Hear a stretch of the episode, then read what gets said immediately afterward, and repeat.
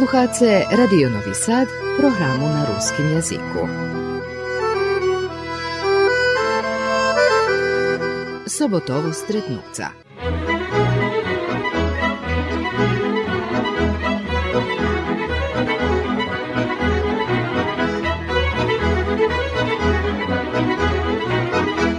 Počitovani sluhače, predlužujeme rozvarku od prešlej soboti so Slavkom Vargom z Znovohorachova. Stihli smo na heliodrom Rodoč do Mostaru. Normalno pojavila še poruki, znači zos vojski totico u Hrvatskoj može, možu da predaju uniformi da pojdu, totico makedonci možu pojist, ostali bosanci išće i totico zos dela Srbiji. Znači, možu pojist. Slovenci ani nie prišli do Sloveniji, keď sme vožali kamiony po 5 ktorí sme kamiony vožali, ani neprišli do Slovenii. Oni ostali, takže my to tú všetkú techniku, čo bola za znači, 4 raketne divizióny komandu Puka, da poviem, zo Ljubljani preseli do Mostaru. Štyri radari še pojavili. Ja i dalje intendant, znači pozadinac, štyri radari še pojavili, treba dva aktivirati. Mostar taki, že sme boli ob, okol, okolo, znači dolu doljina, u doljini radarski sistem i raketni, okolo brehi, podvelažje, lištica, čitluk, to Horvaci, znači horvatski krajnja desnica, tam s druge strane, s druge strane Serbi za Znevesinja i Trebinja, znači praktično Mostar u doljini i to posebno Rodoč i Ortiješ u doljini. Tak kaže pil avionike Drušajevecka muša zos jednoho smera uljecovac, bo da nje zakvača brehi. Všetko to bolo, što mi što raspored zele fino normalno, kasarnji, dobili sme fini objekti, dobili sme mjesto spanje dobre. U štiri divizioni zmešalo še ljudi za 50%, praktično sme dobili 4-5 hiži po 30 sme spali, e teraz to jak speš naše. Každý to, co sme tu boli, tu nie bolo veľa vojníkov, co bolo, bolo, co nie bolo, tu všetky starešinové boli na strážoch. Mali sme i stráži, mali sme i dežurstvo. Takže si praktično boli dva divizioni aktívno, stalno dežurní. Mali sme dovoljno ľudzoch, tak sme še menjali. Naš bolo, nas radarcoch bolo dvome, intendantoch bolo dvome, trome, ja i pleho boli intendanti, ali ja boli na radaru, pa som menjal treći član, takže sme boli po praktično sedam njiši na radaru, stalno već kaši sedam na straži i sedam njiši nazad intendant. Tuše i Split priseljali, tuše priseljali drugi mostarski kasarnji, všetko do baš do Mostaroše. I nakon, znači to 91. roku, 91. još od rok počeo september, znači u decembru, januaru završeno bolo seljenje. U martu, aprilu počalo bombardovanje. Počeli sme u doljini, počali lansirati višecevni bazaši raketi, haubici počali padati z granati na aerodrom, heliodrom. Mi mali naleti, vidjeli sme, že avioni ljecali, mi nje dejstovali po tih, bo za brehom su i keše prijavi u Užveci nje možeš. To si do 5 km Užveci ho nje možeš gađati. Praktično bi bilo. Nje napadali nas, no naredzeli nam da še vyselíme. Kadiševi sedí sprej Nevesinja, Trebinja, Čarnej hory, tadzi pakuj stvari zaš. Všetky stvari, co sme privezli z Mostaru, zo Sloveniji, všetky stvari zo Splitu, to ci boli hangari veľkí, to všetko treba prepakovať. Takže bola jedna ekipa, co stalno utovarala, jedna ekipa, co stalno vožela, jedna ekipa, co stalno branjala. Tu bolo i štreljanja, tu bolo i so zoljami šteljali do hangarov. Ja na smeni zrazu čujem, zohnjem še, čujem coška ljeci. Zohnjem še ja, bum, eksplodira, potom popatrím ono, hangar na domnu, padaju cehli na mne okolo. Štreljanje, nieco. Nikoho sme nevidjeli, že by my štreljali na koho. Odrazu, že pojavi strelje i hotovo i pojde. Znači, praktično boli partizanska vojna. I jedna baba mi hovorila, sinko, keď sme prišli do Mostara, vi ovdje nećete biti godinu dana. Ja tu vam rečom. I ono tamo se tak zakovalo, že sme nakon rok praktično nastavili seljenje z Mostara. Tam nie bolo nejaké mogućnosti od kulturného života, te o tancovanju, o špivanju. Tam bolo len dežurstvo, snabdevanje robu, jedzenje. Preživljavanje. Preživljavanje, tak sme po naški. Pomáhali sme i pilotom, mali sme, kto znal traktor Honic, piloti boli, len piloti prišli i avioni, trebalo, lebo helikopteri treba zos Fergusonom precahnuť. Položíš dva, na koljesa mu položíš dva, to ti rezervni koljesa, jeden trima helikoptera, ti s Fergusonom ocahaš i ocahuješ do gara, do toho, lebo na pisto. Takže nebolo tam radníkov veci, bo to i tu z Kerestura Arva, Arvu som, dupo, upoznal som ho i z Kerestura i jednoho podpukovnika zo, onom, že zo Šidu, Ta som upoznal, on bol pilot. Ta isto pripodali. Da Hej. I zoznije mi već kad sme pripodali, takže bulo, malo sam rusinski jazik, bulo tu i knjiž, dobila i ruski, ruski, bula posjetila nas jedna vaša novinarka u Mostaru i posle mi posi, posilala ruske slovo jedno vreme. Razumio sam ruske, to sam dobi, dobivali. Interesantno sam dobivali. Ali tu bilo tak, že avioni prinošali na Mostarski aerodrom, znači iz Beograda avioni, već kao urucovali i také. Jak sme voželi tur do Beogradu, avioni nas vracali nazad. I takže sme, ja še spakoval tu, prišol tu, rekao dobijem sedam dní slobodno, bo to bilo tri mešaci, som nebol doma, zemlji slobodno, jak som prišol domu tu na kapuru, policija mi hovorí, volce, komandant, možeš nazad hitno. Ani som še njeval ženi, s kapuri mi odnesli nazad, a rekao, prije sam šmatirovanje, všetko dobiješ tam. Odnesli me nazad do Mostara i tam sam ostal već kad će mešać z njih i tad je počalo već toto, že ti ne možeš prije žena i tak, znači, každe mal svoje draho i takže sam 95. roku rozvedol. Z Mostaru sme se preseljeli, seljenje isto bolo preti, mi už navikli seljenje, pakovanje, hvala Bogu njih to nam nie pohynul, kamenuše hubeli, popravljali sme ih i take, znali sme, že keď ideš bez kočenicog vecka pomaly honíš niz brdici, uruciš do minimalnej brziny, dajci nemajú kočenje, takže mažljem ručnu i minimalnu brzinu, i, a mušiš pri kolicu. Nema co, prišli sme do, po brehu i také, hvala Bogu, nikto nije poginuo, nikto še nije povrezal. Sjeli smo do Obrenovcu mi, naša ekipa. U Obrenovcu Vitovare, tu nas to ti prihvacili dobre generacije Šitsko, korektno. Takže predaj toto, toto, toto, popisuj tu, to bilo še izmešaci popisovanja i take. Spali smo ja i Pleho u konzelariju, njemali smo, znači što nje bilo tu putovanje, njemali smo, mali, mogli smo šta raspris, ali je žil sam u Obrenovcu, mogao sam pris každi vikend. Nje bilo to baš tunjo i nemal som gdje, prišao do mojich, moje tu boli so Đukom, takže ja ne behal teľo. E, to bolo do seljenje do Srbiji. Barvenočki, barvenočki, širom rozkvitaju. Mlaski mladej do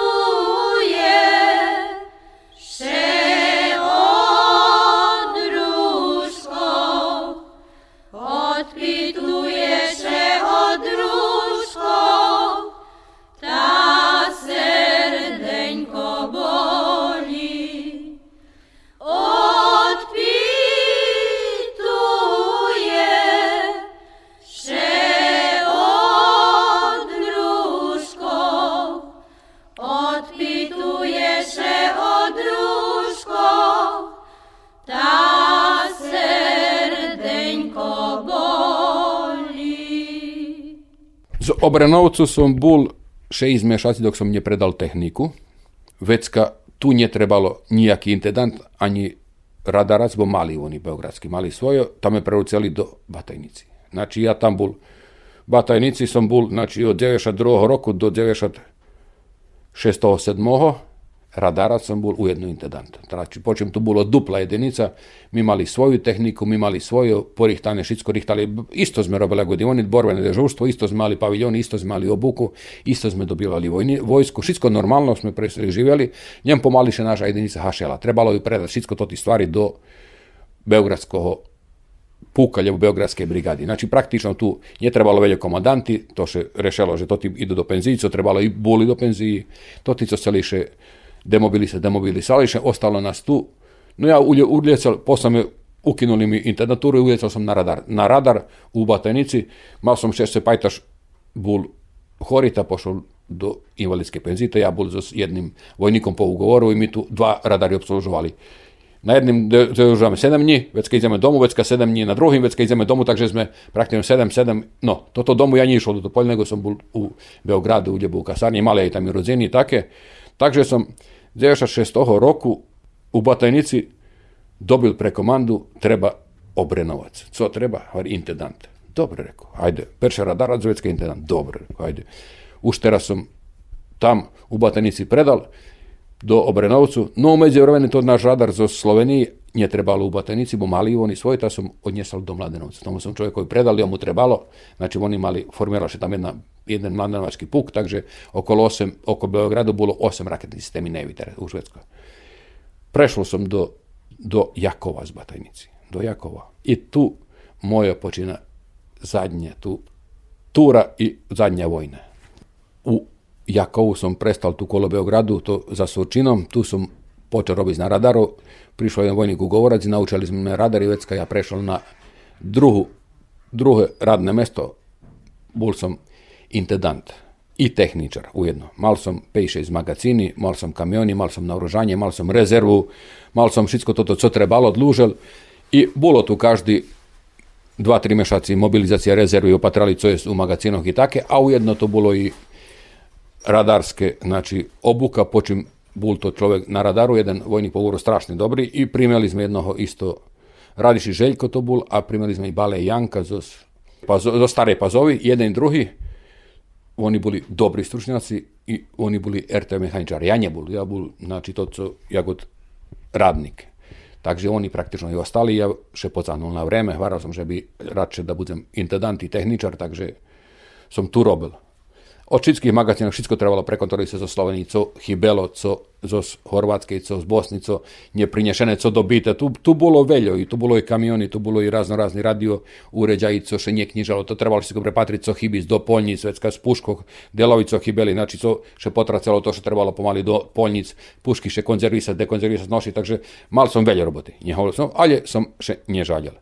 98. roku najavio Nije bol sam ani po pitanju kulturi, ani tak, znači tu sam žil u Jakovu, u kasarni, u konzariji.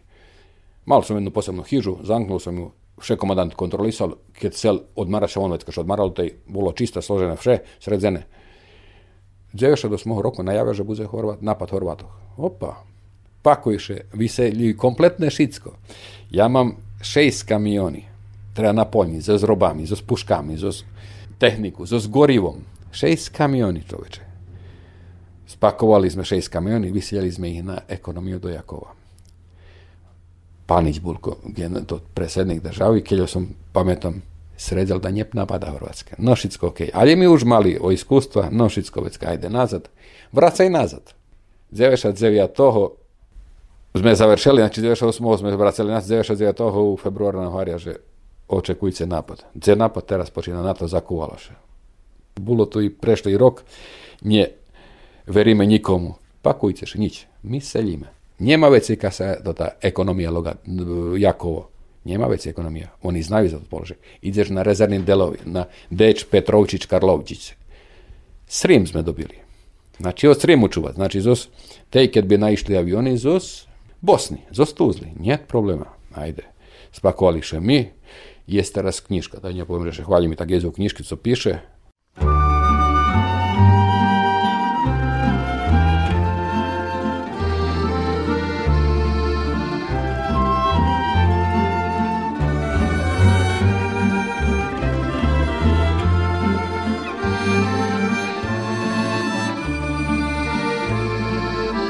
Švecom obišo u mladosti oči patreli na horizonti preto roboti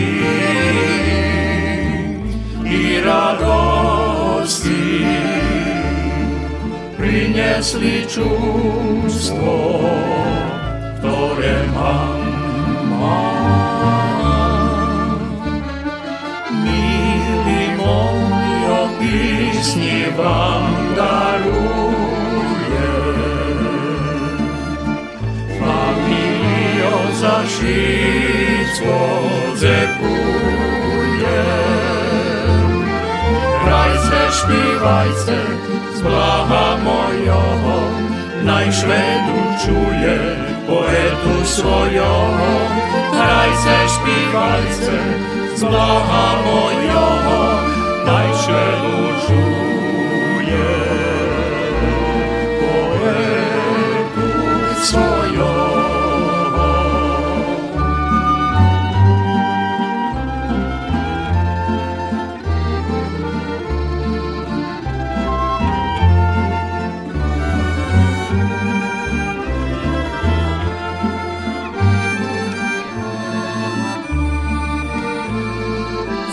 Šerca čuje. Melodiju zberam do nitki.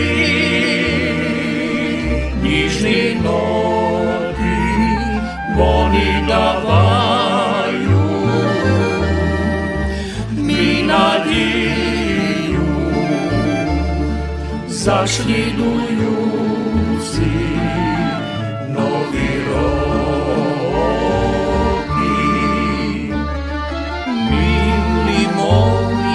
pisnji vam daruje.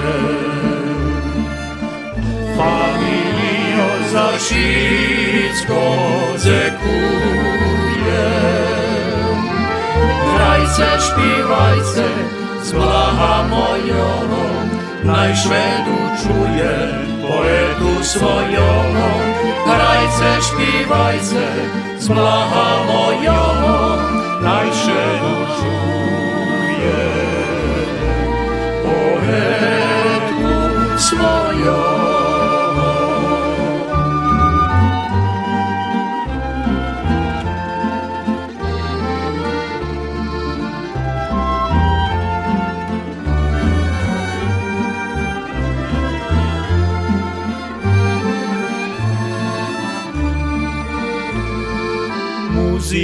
ščiro komponuje žalostni slova spisuje blišćacu slizu vypuštuje ale še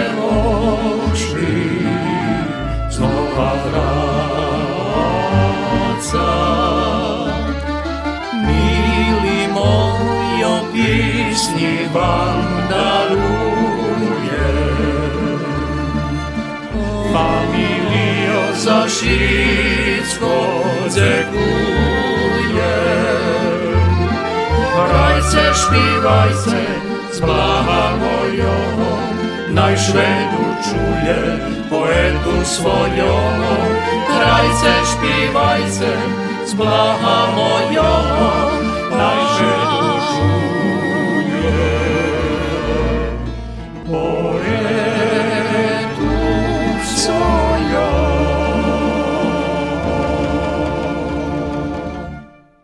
Vojna počala 23. lebo 4. marta, 23. Ja na 7 i 50 zaveram zadnji hordu s benzinom, paljim kamion, vychodzím na kapuru, znači na 8 hodin som otprilike ja god otac do das 200 metri od kasarní peča raketa pogodzi mjesto gdje sam bol.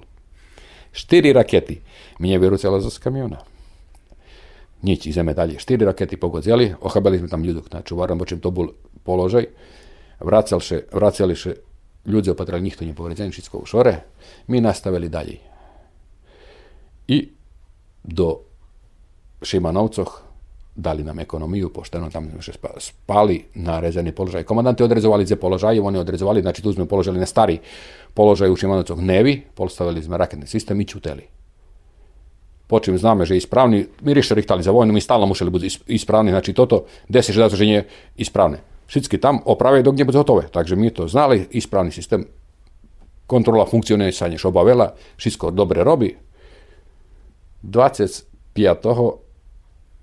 ja dolu u hiži vidim že lansirana raketa batajnica. Znači, batajnički divizion, jedan naš paralelni, lansira raketu. I javljaju že nje pogodzeli. No, neco. Neco. 27. večer, ja dolu s mojim šefom, čuje me, počim to hiža, tak, znači dalje dakus, ajde da pojem da se 300 metri od sistema raketnice stojem, čujem, avion je primećen, isključuje radar. No, rekao, pajtaš, počem on bol dežurni, vyključuje radar. Šicko šore, Ljubenković vlada, vyključi radar. A mi vidjeli, že avion prešao nad nami, bombardoval batajnicu i vraćao nazad. Otprilike smo znali za batajnicu, vraćao nazad. Tvari avion je primećen, gađam ga u odlasku. Lansirana jedna raketa, čuješ taf i do rakete Agice hore, hore pohmarena. Ja patrim raketu, reku, golube, krenule, super. Druga raketa nije išla hore, dakle dolu, troška bol problem s tim, ali je raketa i eksplozija raketi. Čujem na razvaz, všetko uključeni razvaz. Bravo, legende, nešto ste oborili. Pakujte se. Mi nje znamo nić. Uzbuna, momentalno. Miše za pol hodiny sklonjali z toho mesta. Znači, apsolutno, všetko i stvari, mese, 12 km dalej, do jednoho valalu, tu sme še spakovali i čekame. Čujeme bombardovanje tam, gdje sme boli, bombardovali toto mesto. Bolo ro- rozturené. Ja mám i sliku toho mesta, tam, že doljini taký, že hljibina do 50 metri doljina bomby bombardovali. To bol nás oborený F-117. My neznali, že to sme oborili. F-117 oborený bol. Tvari, tedy nám horeli kasnejšie. Novecka postalo bolo šejtanje, pa sme u Petrovčiću oborili F-116, F-16, Vecka sme gađali u jednim drugim valaj dom, že Karlovčiću sme gađali išće jedan F-117 i to priznati u Tuzli, že je pogodzeni. Vecka sme 29. maja, to bolo valali, znači u Srime gađali B2 i to sme pogodzeli, to u, u maju, mace na ilustrovana politika vyšla 30. maja, slika, že spadnul B2 do Spačvanských šumoch, znači to u Horvátskej, tam, o tamo je mac, rodzena, znači do Njemcoch, baš tamac kolo nje spadli i francúzski vojníci zavarli tri mešaci, dok nie skloní všetko toto, to, to, tí delovi. Takže vecka sme pri krajem rata ešte pajtež oborel zo Heriera zo strelo. Praktično mi nam priznati dva avioni, F-117 i F-16, teraz priznati B-2 už, i jedan pilot hvaral, že pogodzeni i ešte jeden F-117 u Tuzli, znači spušćao se nazad, bo ostalom bez zadnjih delova je pogodzeni, i Harrier jedan. Englezi nije priznali, ali je i Harrier oboreni zato, že je spadnul do tamac kolo Ašanji, do, te, do tej bari, ja dom, do Crna bara što vola, tam spadnul. Eh. Toto bolo hotové, vojna, še, mi boli po kasarni, šetali sme še za tri mešaci vojni, počím to otprilike, že vari každý treći deň miše skoro 30 raz seljali z mesta na mesto. Perše sme išli, takže hodzinu nám bolo opakovanie. Posle sme tak, tak naučili, že každý má svoj deo roboty, prišli veľa vojníkov, naučili svoj zanad pomaly, nemešali mi, každý svoj. Ty spakuješ tri kably, ty hotový. Takže tak sme robili, že praktično veci od polozí nám netreba da še prebacíme na druhý, na druhý mesto. Eh, to bolo to.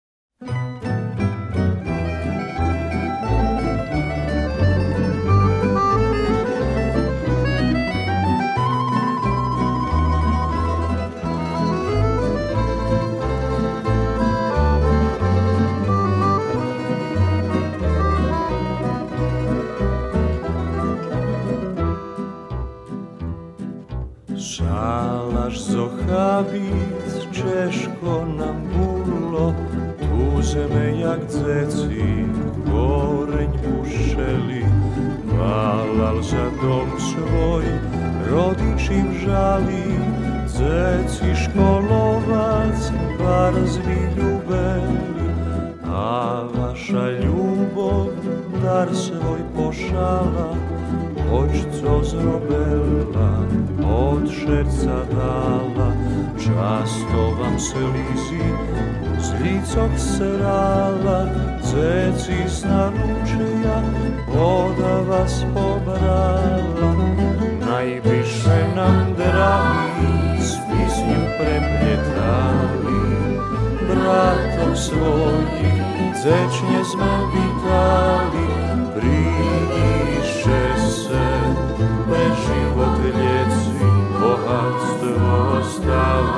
a to naš oceci, najviše nam dragi, s pisnju prepljetali.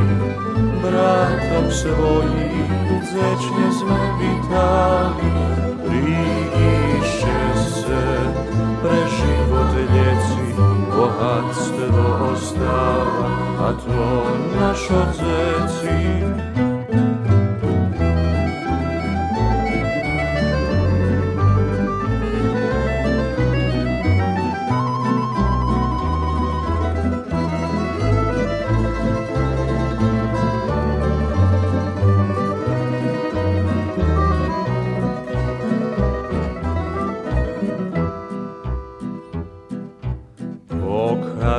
každej dražki svojho života Zeci napredok žmelo kračaju Mošicky dobre, to dobre zname Že maci ocec, že za nas stanju.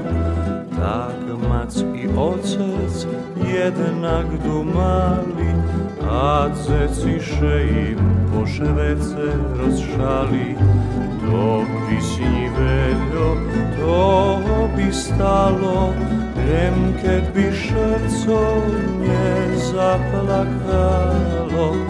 Najbliższe nam drali z piśnią prepleciali, bratok swoim zecznie znowu.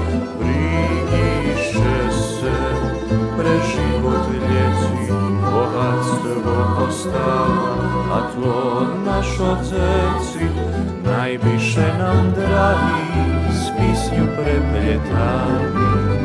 Bratok swoich zecznie z lewitami, brigi szczęście, mężi motylecy, bohatstvo postawa.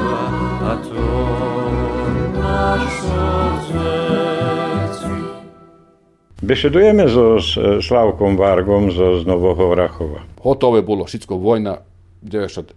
završena. Komandanti hovorili, že vracame sa na normálnu pozíciu, treba písať papery, počím mi intendanti toto, co še u njih sjelo, da še otpiše toto, co še nje da še, znači, pohljeda kjedevske dnjevecka, da še, da nje ostane nič u alaloh i take.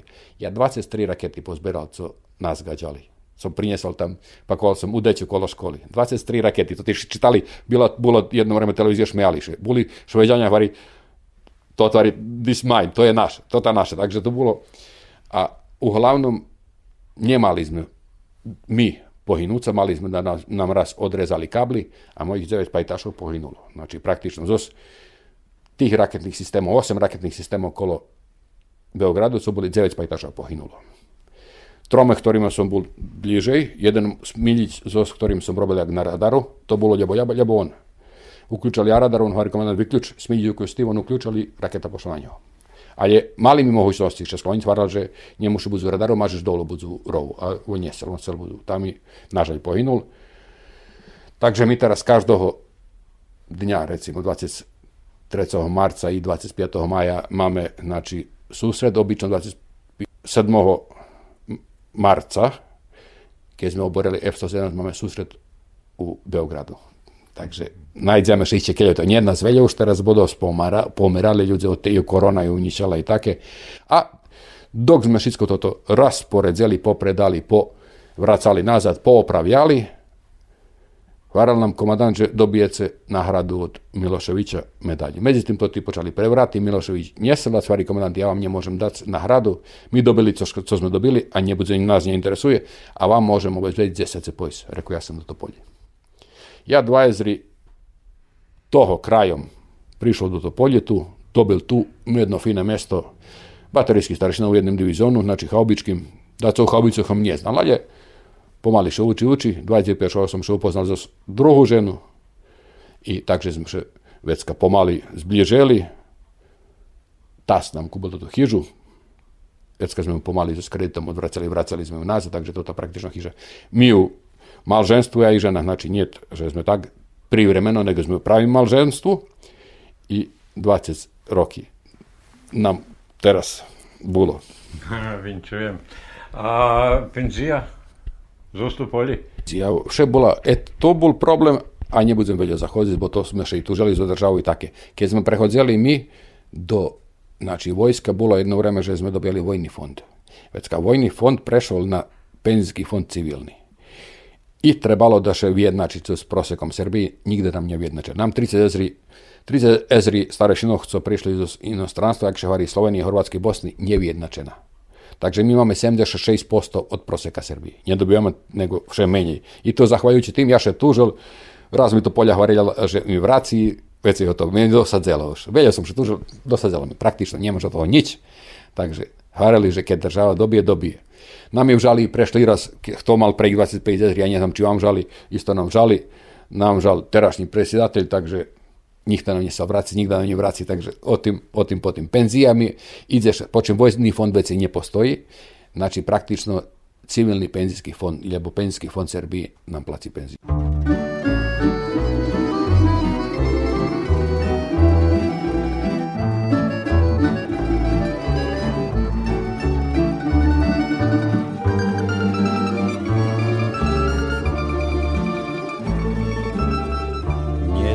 šacu po nebe chodziť, výzdom za chmary nedaj zachodziť.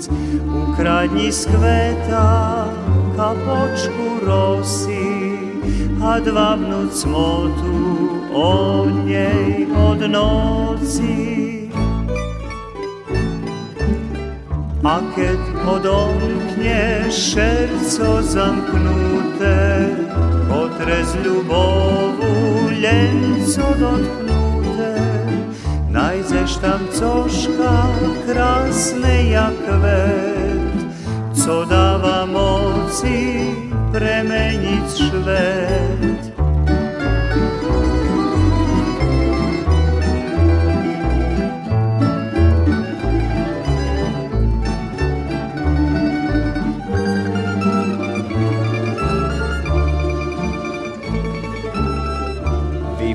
Slova nepovedzený i rozmer nitky nezamervený. Sluchaj špivánku nevyšpivanú, zaznaj za tajnú nevyvolanú.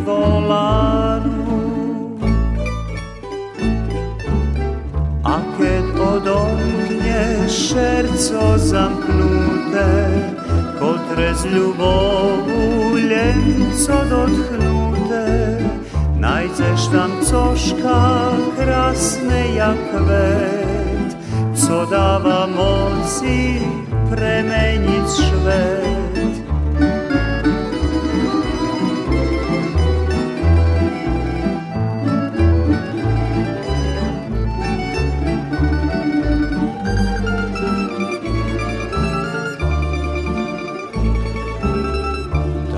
Slava ráno, največer švitne i najlastovka bez krídla pírchne. Od hadníkáci anheli chodza i káci dráhy života vodza. A keď odomkne šerco zamknuté, potrez ljubovu ljenco dotknute Najdziesz tam coszka krasne jak kwet, co dawa moci premenić szwed. A kiedy odomknie serco zamknute, kotre z lubowu lęco chceš tam cožka krásne jak kvet, co dáva moci premeniť švet.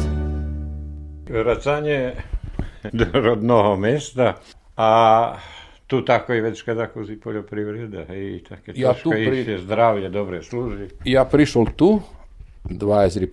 roku, znači 21. roku sme že počali pribodať taký, pýtam šiaranky, že teraz robota, teraz som bol tu baterijský starešina i také, tu máme to divizion, či pomaly haša, Európa odredzala, že od 120 ezrov muša budu so serviljem 40 ezri starešinoh i vojski, takže še zmenšuje masomalno. Reku, co kada ja pôjdem do penziji?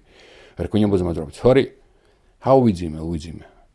Tast mal traktor i pomali, pomali, ja počal, z- ja nikda nehoňal traktor. Dakus, Ferguson, vekši traktor, pomali, pomali, počal honic i mne ljehlo. Toto jak honjenje, oni mali tu žem, orali sme 8 holjti žemi, pomali tazi tamac, znači praktično sadzenje, e vecka posle toho, počím, to bolo 24. roku už bolo ozbiljno, že treba predať dužnosť, bo 25. 6. idem do penziji, bo še muši ukinu z vojska. Všetky to, to bolo 10 starešinove prišli do Stopolji, pošli do penziji, bo njet ľudzov, već i nije trebalo veľo. I co budeme, ha počneme robiť poljoprivredno. No, co budeme sadiť? Pa perše ta stvari ma ideju. Ajde, hvari da napravim mace tu hižu, u zahradu vam položime beton, i ćemo i kupeli beton, šopa napravena, betoni rame, položíme metalni stubi, drot i budeme gajic šljimaki. Všetko mi to dobre. I to bi moglo i kredit dobiti iz Evropi. Međutim, nje obezbezuju kto kupi. Njem to ti za subotici, co maju u... Ja ne znam gdje oni bio, ali za suboticu su maju i noji, maju farmu i pužu, oni njem otkupljuju i oni pravija razno razni jedzenja vecka konzervuju od pužu. Ali oni odrezuju cenu. Oni će odrezati, že kjed imaš šljimaki, jake šljimaki. Vecka, raz sam nošel tam da im predam, vari, ne trebaju mi čarni, nego mi trebaju bili šljimaki. Ti ja šljimaka da vyberám, da će bili či nje. Vari to šljimak muši mac u knjižki. Ja i nabavil knjižku z Novo Sadu, pa taki Imre, to bol jedan od paćerko tasta Pajtaš, on inšak bol agronom u Novim Sadzi, jedan od dobrih inženjerov, nažalj pohinul. On nabavil knjižku že jak se gaji. Tu treba kolo murika napraviti bazen, vybetonirati da bude stalno vodi, da šlimak nje seknje. On seknje.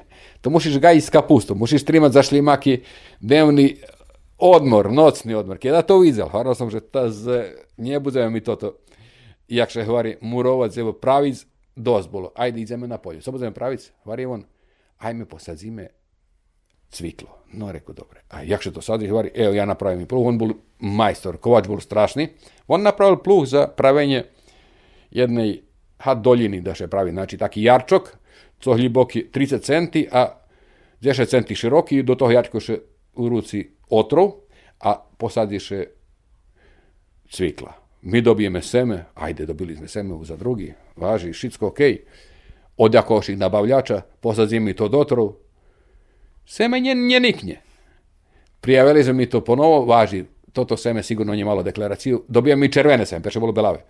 Posadili mi druge, seme nje niklo, mi placili nazad toto, co sme seme vyplacili dva raz, po, nedobre sme porihtali, že no reku, dobro, nebudze, nebudze na veci. Co budeme dalej, hovorí, tas, ajde posadzíme, budeme sadziť cibulju i to taki, že to ti mlada cibuljka še vi njima i to bude jagod za pijac. I mi to posle mi to dva roky robili. On napravili mašinu za podrivač, to še njima pej čori. Perše se preorežem, već kaše porihta, već kaše posadzi po pej čori, već ka razma po pej čori, on na, bi napravil i plug za špartanje, on napravili preorivač, tak sme preoravali, već kad sme skladali do snopčkoh, šoroh, takže pej čori do jednoho i na polju sme robili zo mašinu, sme selektovali. To keď najväčšia horúčava, muchice bijú, blatniši, mokri, prach duje. To, znači, temperatúry 35 stepeni, tedy še može. Od 10 do 4. Od toho vec, keď príde domu, pa še od 4 selektuje, že ktorá ide za komahaďma, alebo za toto, co vekša od normy, a hev to druhý nie. My to dva, dva roky dobre robili. Treći rok príde kupac, jeden. No, namučeli sme še i šicku, ali pomáhali ľudí, nie problema Прийде купець з суботиці говорить, не можемо продати, бо muši imati. Co to znači? On je tam da si daju deklaraciju, že je dobro. On je on tam nakon gdje nije dobili deklaraciju, ali jesmo plaćali veljo dinari. No, predali oni toto i nje budzeme. Budzeme mi sadic cibulju, a od cibuli toto je makše, je barutnjak še vola to, čarne seme. Hajde, še to cibulja še vyrošne, orezali hlavky, nošeli do šopy, to še tri dni prerucovalo, sušelo. Zašto s selektorom, on ma napravili drugi selektor u to vreme, selektovali, to sme fino predali. Ali ja tedy tak barskih albo jajničak alergični, dakle na razno razne stvari take, to išće skorej bolo u botanici, počem bolo u lješe, bar zveljo kveca i take, tudi, tedy sam to primil. No, može biti robota na radaru, robota u magazinu i take, ali je toto. I tu sme predali fino, ali odtedy sa mora, že ja nebudem, nemôžem ani mirizne podnoším, takže kýchanie. Prestali sme toto.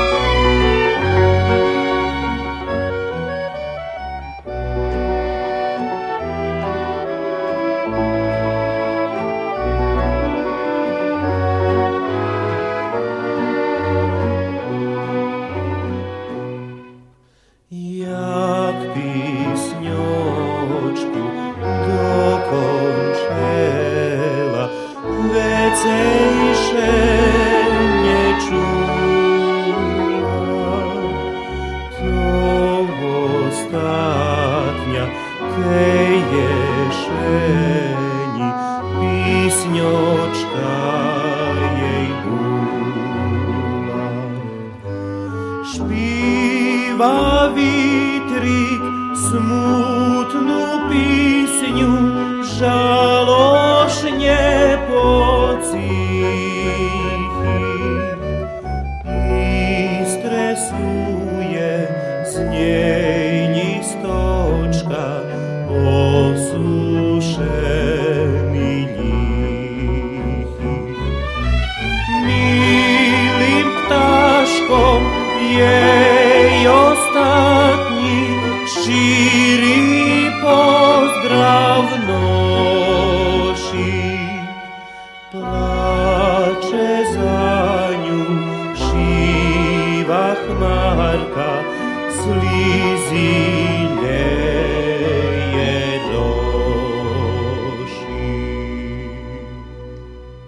Hajde budeme da su druge, co budeme druge? Ha, a ranka našla u knjiškoh bundava. Bundava. No, toto sme sigurno jedno za šest roki robili Golica. Golica i z Novosavskog institutu sme dobili pravu, finu golicu. Znači, semensku peče sme dobili tu od Valalu, kupeli i take, posadzeli dobra bola. Nije bilo to, nije mali veliki rod, ako oni hvareli veliki rod i to 500-600, ja malo otprilike od 350 do 400 kili po holjtu, dobra cena bola, nije take. Veljoše robi, Perše sam našao babi tu.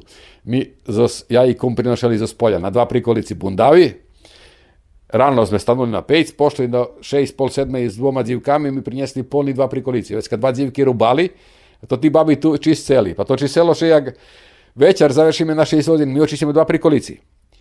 Polni dvor od bundavog. Treba toto vraciti nazad na prikolicu. Zaš, zos, dakim radnikom, kum pošlo svoju robotu robili, ja s radnikom iz ranku vracim nazad na poljo. Vratim še na podzevjata iz prikolice uvitovarim na podžete domu. Všetky to ti bundavi treba umyť, semenke. To u tih, znači, otprilike bilo nadzem pešat kili, umyť. Dva raz tri vodi, vecka rozpreste napojde. Napojde mehi, paperovo. Aranka reže mehi, ja nošim i rozprestujem. Vecka to treba stanuti rano na pejc, skorijak co pojdeš da ih premišaš. Pa, takže som še po týdzeň dva narobil. Vyplacalo še, to nie poviem, že nie. Vyplacalo še polovka otprilike sme zarobili, polovka uložené, sudsko, bilo, bolo to fino. Prejde dešatý rok, vi tedy i boli tu keď sme toto. Prejde dešatý rok, ja mám 600 kg za predaj, pa je to príde to tip zos, ah, kupac, da poviem, zos Beogradu, on vynoši za Sloveniju, hovorí Slovenija še hranica zavarla, ja si nemôžem kúpiť teraz. Mám reku 600 kg, hovoral, že mi, nedam ci cenu, ako si izvaral, nego u pola ceny. Keď chceš, sad si kúpim. Nie bude. Već kad sam ju odnesol po, znači, da poviem, trecino, dva trecine od toho, co som jedal, dobil som, odnesol som do Bonžiti, do Subotici, no, do Hajdukova. Tam som predal, varal som, že si nebudem. Nakon rok me vola tip, hovorí, hýbaj, po, pridzem, po, ma- nabao mi 20 toni bundavi, rekao, ani kilo ci nabavim, teraz da si dos. Prešli raši me zeznul, hovorí, teraz otvorila Evropa, rekao, nje zanima me uopšte. Ani bundavu već se ne budem robiť, ani već se ne budem poljoprivredu, dos. Všetko som rozpredal, mal som všetko, všetko som rozpredal, dosť mi bolo. Odtedy som počal še ozbiljnejšie baviť so stancom i so specanjem. Takže ja teraz penzioner. Jem toto najhoršie, že to mi nebolo dobre rješenje. Čom? Prestal som že baviť s poljoprivredu, rodzeni šovgrova čikovi, a ti doma, hibaj ti mnje pomodu, hibaj ti toto uvode. Ja jedno vreme, dva, tri roky u šovgra utvaral prikolici, po 8, 9 prikolici kukurici sme teraz do čardakov, pa u mojim čardaku, pa hibaj tamo, hibaj tak, všetky to ti hibaj, hibaj, ja hovoram, že ja zato prestal robiť, že som vystal, oni me volaju. No, i to še dakle izmerila, varala sam, že teraz som dakle, mám problema so skičmu i tak, može biti dakle sve se vidu mojem, ali nije také, že som chorý, ne? mám problém s kičmu i tak, dakle mi še kruci v hlavi, zato som i teraz dakle usporil so tancovanjem, ajde. Teraz tak pomalši še žije Slavko. Teraz, co poviem, nastupame u folkloru, nažalj, se nemam paru, teraz je dva, dvome z mojej generaciji, dva zivki, treća zivka, co ja bol zo nju Hunjadi Zdenka, ona pošla do inostranstva, nažalj Senka umrla i zo nju sam tancoval. Znači, praktično, već se nje to ti starši zivki, co tancovali s nami, oni pošli. Oseljeliše, Đuđar Roziku iz Oznju sam tancoval, znači ona nje može već i zbog toga, že imaju dzetsko i Slavka i Trajevecka nje može, takže Natalka isto, njena tancuje već iz Oznju sam, znači bol so s tima dzivkami, co mi boli pari, takže ostali dva dzivčata, Tanja i Aranka, so s dvoma chlapcami moje generacije, Tari i Laci i Ljubo, i ja nemam paru i već kad mi s mladšima, takže sam moral, že ja budem, keď bude trebac, ja uskočim, ali budem ja patriť ako učice, nemam nič protiv, ali njem, keď dok jedna od tých dzivkov bude, slobodno dah to ne bo ljubo, ljebo robi, ljebo tari ne može, kad ja uskočim, ali inšak, rač ja mám 62 roky, nemali, nemladý som už veci, takže ideme i na sastanky. I pomáham ja, kedy treba, i prinošim robu, i pomáham šoric dom, keď trebaju za taký to ti preslavi i vychodzíme na probi, bo i nješka bude sastanak, znači na 7 hodin, pol 8 bude zastanak nas za odlučovanje za drugih. Ja še aktivno bavim, teže Videl som, že keď som počal tancovať, znači keď sme pravili u kruhu, tako su više išli, keď som stanuli, tam išli tako zakrucalo hlavi, tak som tako stanu. Znači, to mám problém so pritiskom. Eh. Takže teraz toto idem na, do doktora tako kontrolisať, nie také strašné. A pecanie, to obožám. To so s tým vše mám času.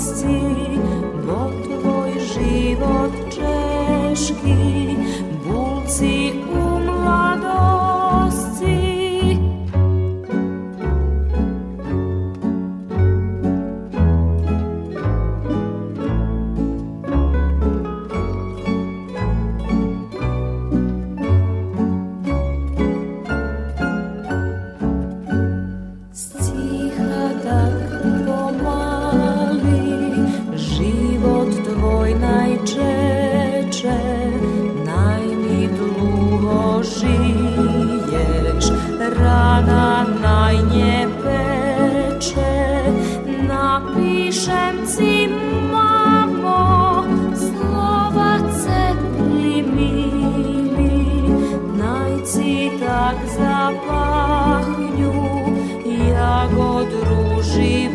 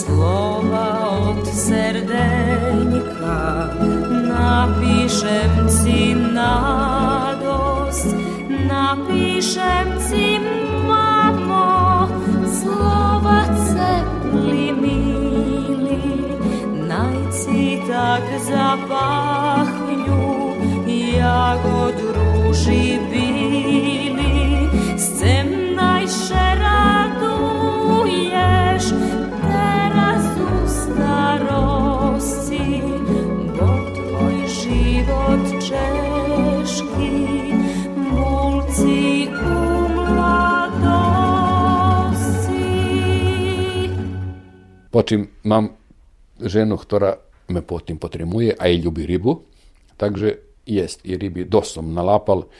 Toho roku teraz najbardziej som bol u Kerestore uvoz tam u Kerestore na rybalove, takže sme bol som i na takmičenju, ja doma, že som bol štvrtý po tým, keď som lopel, lop, lapel.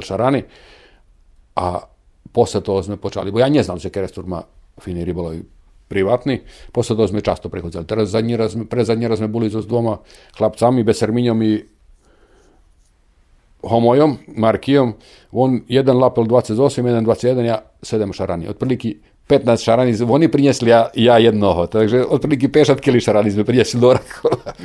Već kad sme boli druhý raz, ja i Kovač, to sme mali 9 šarani, 6 sme prinesli. Takže apsolutno som zostal mirni, a u, na jezeroch mám razno razne ryby, takže mám 3,5 kg amura, mám, ukažem i slike, mám 9 kg tolstolobike i také. Znači, jest fini uživanje i teraz už je Ranka naučila, že jak se všetko pravia i filety od rybov i jak se ona obožava teraz i Ja še pitam sinovi teraz, ktorí, že keď boli tu na jednej preslave, reku, sestri by, a keď nám prinešete seme. Dobijete 2,5-3 kg šarany. Dobre, hovorí, dobre za, teraz za náš šveta. Slavku, bolo by tu ešte veľko čoho pripovedať, ale tak sme prebehli pre život. Dúfam, že sme pospomínali veľa stvari.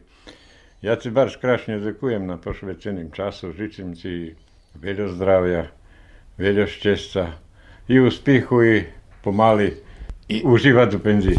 Na zdravie budce všetky vy i ište da še čujeme i da še vidíme po Orahove ište veľo, veľo roky. Bo mi milo, ja idem poviem teraz da poviem, znači, nie mam nič protiv. Tu keď sme še priseljeli Jaranka do tej chyži, to je Leninova Šternac, tu sme všetky tu boli, mi boli maltene najmladší.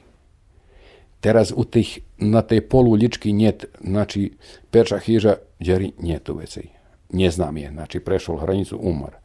Vecka, drugi to ti, co boli, co za homoja bandi bači, znači za džunjojima isto umor. To znači praktično še zmenšala ulička, bar zvelja še zmenšala ulička, teraz mi malte ne najstarši. Eto, jest dvome, trome starši od nas, to ti džunjovo, znači i tu suše ljubo i taki, ali to prega suše, suše da teraz nedavno umarla isto. Praktično, to ti dvoje tu, znači isto preg mi je hunjadi ovo umarli pre- pred rokom, takže tu veljo umarli naše ulički zajedno za rok, ja možem 7-8 sigurno umarli. Mi ostali najstaršija jeranka.